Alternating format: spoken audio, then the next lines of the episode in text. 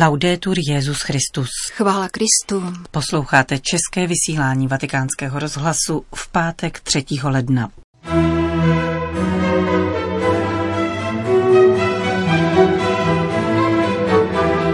Vatikán je znepokojen novým napětím mezi Spojenými státy a Iránem. Podstatné jméno člověk vždy předchází přídavnému jménu nemocný, píše papež František v poselství ke Světovému dní nemocných. Ekologickou zátěží nejsou děti, nýbrž konzumismus, říká francouzský filozof Fabrice Hadžač. To jsou hlavní témata našeho dnešního pořadu, kterým provázejí Johana Bronková a Jana Gruberová. Zprávy vatikánského rozhlasu. Vatikán. Pojďte ke mně všichni, kdo se lopotíte a jste obtíženi, a já vás občerstvím. Tato Ježíšova výzva uvozuje poselství k letošnímu 28. světovému dní nemocných, které papež František podepsal právě dnes na památku nejsvětějšího jména Ježíš. Petrův nástupce v něm vyzdvihuje právo na život jako skutečně pravé lidské právo a varuje zdravotnické pracovníky před tlakem vnucujícím eutanázii, asistovanou sebevraždu a všechny další formy ukončení života. Kolik lidí trpí na těle a na duchu, konstatuje římský biskup v úvodu k poselství. Právě tyto lidi, nejenom nemocné, ale též chudé, hříšníky, lidi vyřazované v důsledku tíživého zákona a utiskované sociálním systémem, zve Ježíš k sobě a slibuje jim úlevu a občerstvení. Přijímá každého člověka prožívajícího úzkost nad svou slabostí, křehkostí a bolestí. Pohlíží na toto zraněné lidstvo a nabízí mu své milosrdenství, aniž by je zatěžoval zákonem. Zve každého člověka, aby vstoupil do jeho života a zakusil tam něho. Kde se v Ježíši berou tyto city? Táže se papež a poukazuje na Kristův vlastní prožitek. Sám se totiž stal slabým, zakusil lidské utrpení a svého času našel občerstvení v Otci. Jedině ten, kdo na vlastní kůži pozná utrpení, může poskytovat útěchu druhým, vyvozuje František a naléhá na politštění léčebné péče.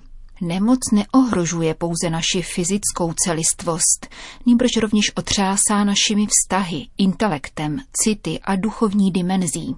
Kromě terapie tudíž vyžaduje podporu, starost, pozornost. Jedním slovem lásku, připomíná papež, a to jak vůči nemocnému, tak vůči jeho rodině. V druhé části poselství se Petrův nástupce obrací nejprve k nemocným a posléze ke zdravotníkům. Prvně jmenovaným předkládá Ježíše jako světlo v temných nocích těla a ducha a jako naději v neútěše. Kristus, podotýká papež, nám nedal recept na to, jak naložit s námahou každodenního břemene, avšak vysvobodil nás z útlaku zla svým utrpením, smrtí a vzkříšením.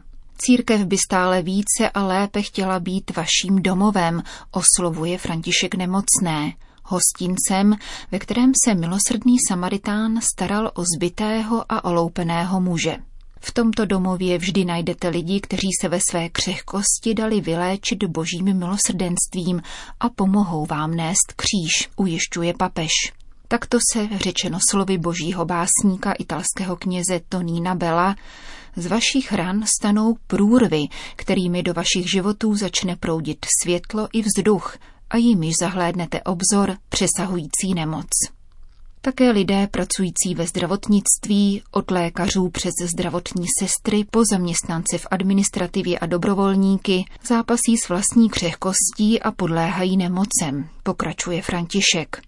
Jakmile sami obdrží Kristovo občerstvení a útěchu, jsou povoláni stát se občerstvením a potěšením druhých a napodobovat pána v postoji tichosti a pokory, zdůrazňuje svatý otec a podtrhuje jméno člověk, které vždy předchází přídavnému jménu nemocný a má předcházet jakémukoliv diagnostickému, preventivnímu, terapeutickému, výzkumnému, léčebnému i rehabilitačnímu zákroku.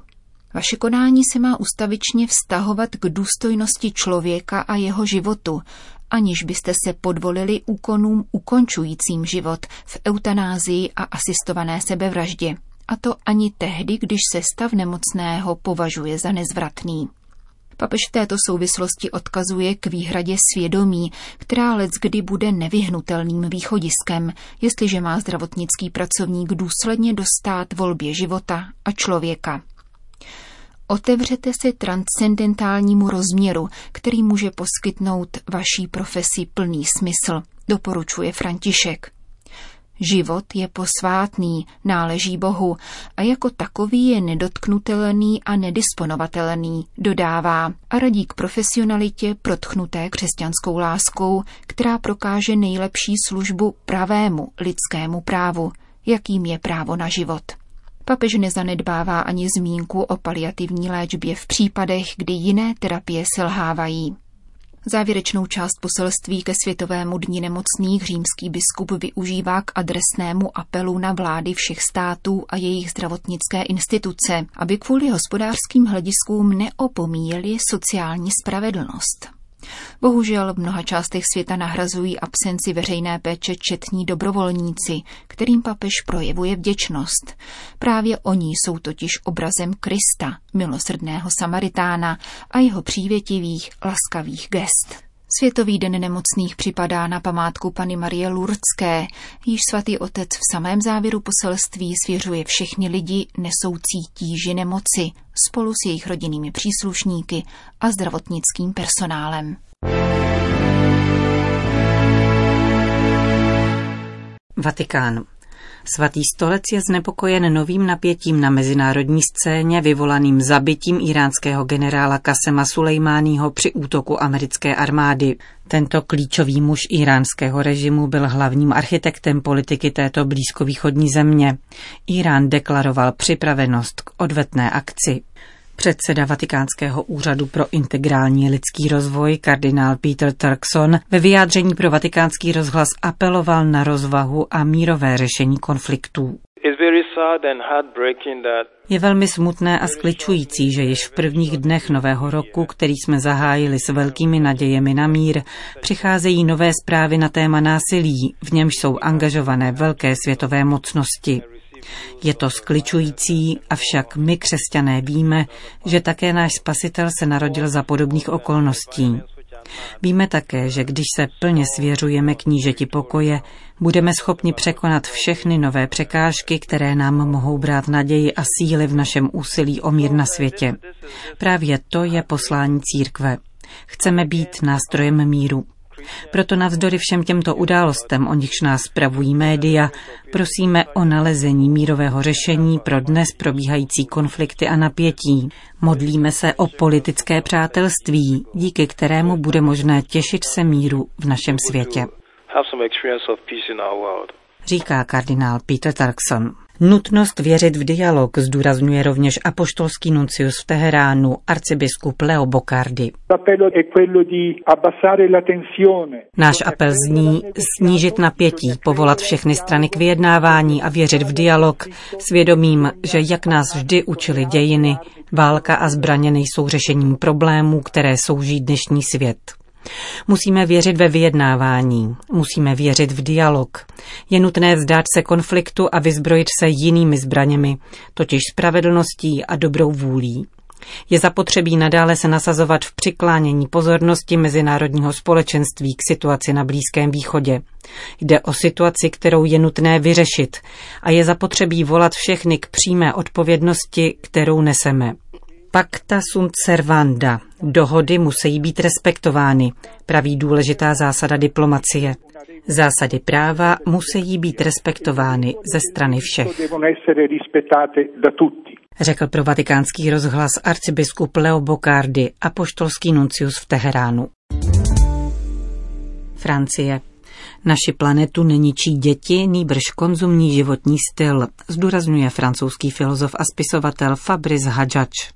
Pro deník Le Figaro komentoval graf připravený ekologickým časopisem Environmental Research Letters.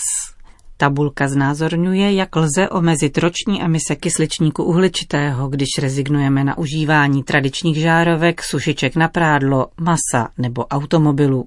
Jako poslední položka figuruje dítě. Vzdáme-li se jednoho dítěte, omezíme emise CO2 o 58 tun, uvádí ekologický časopis. Fabrice Hadžač ve svém komentáři ukazuje na nebezpečí a převratnost tohoto pojetí. Užitkové předměty byly totiž postaveny na roveň člověku. Autoři tabulky kromě toho neupřesňují, v čem by měla podle nich spočívat eliminace dětí škodlivých pro životní prostředí. Francouzský filozof rovněž připomíná, že ekologové ze zmíněného časopisu sami přiznávají, že hlavním problémem není počet dětí, nýbrž konzumní společnost, v níž přicházejí na svět. Amišové, kteří mají v průměru 8 až 10 dětí, jsou daleko přátelštější k životnímu prostředí než obyvatelé New Yorku. Francouzský filozof zdůrazňuje, že velké rodiny se naopak chovají ekologicky. Mají méně času na zábavy škodící životnímu prostředí, méně věcí vyhazují, oblečení se předává mezi sourozenci. Naopak ten, komu se nedostává naděje, aby předával život, se nutně uchyluje k zábavě, konzumu nebo cestování, aby si sám nahrazoval to, co jiným dávají rodinné vazby. Hadžač, který ve svém díle a působení usiluje o šíření integrální ekologie, připomíná, že v úsilí o ochranu naší planety nesmíme zapomínat, že člověk je vyvrcholením stvoření. Jedině on dokáže obdivovat krásu, reflektovat biodiversitu a chránit ji.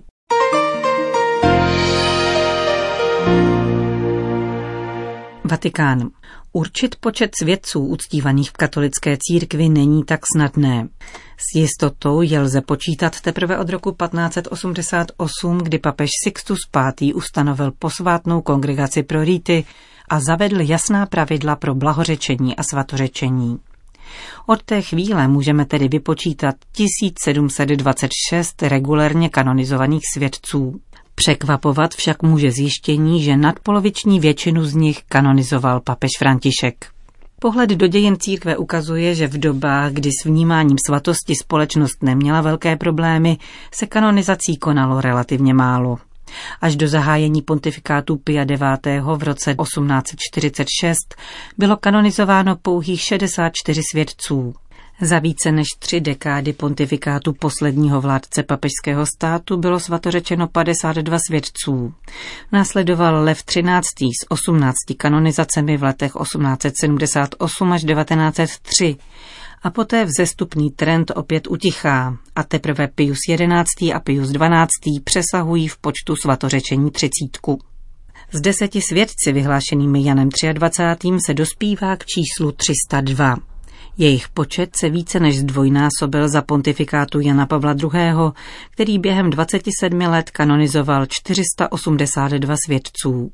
Jeho nástupce Benedikt XVI. tuto tendenci opět zbrzdil a během osmi let kanonizoval 44 lidí.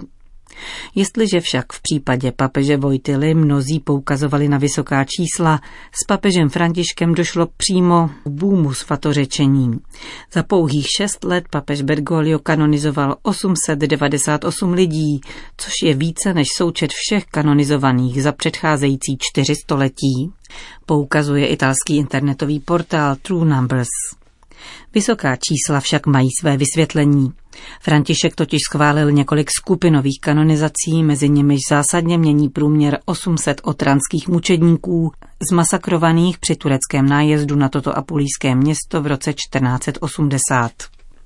Celkový počet svědců uctívaných v církvi není snadné stanovit. Až do roku 1234 mohly totiž místní církve prohlašovat světce autonomně a teprve papež Sixtus IV. v roce 1483 stanovil rozdíl mezi svatými a blahoslavenými. Martyrologium Románum ve své poslední verzi z roku 2004 uvádí celkově více než 13,5 tisíce svědců a blahoslavených.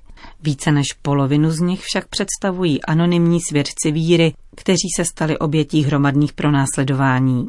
Po kanonizacích z posledních let se tedy celkový počet oficiálně uznávaných svědců pohybuje kolem 15 tisíc.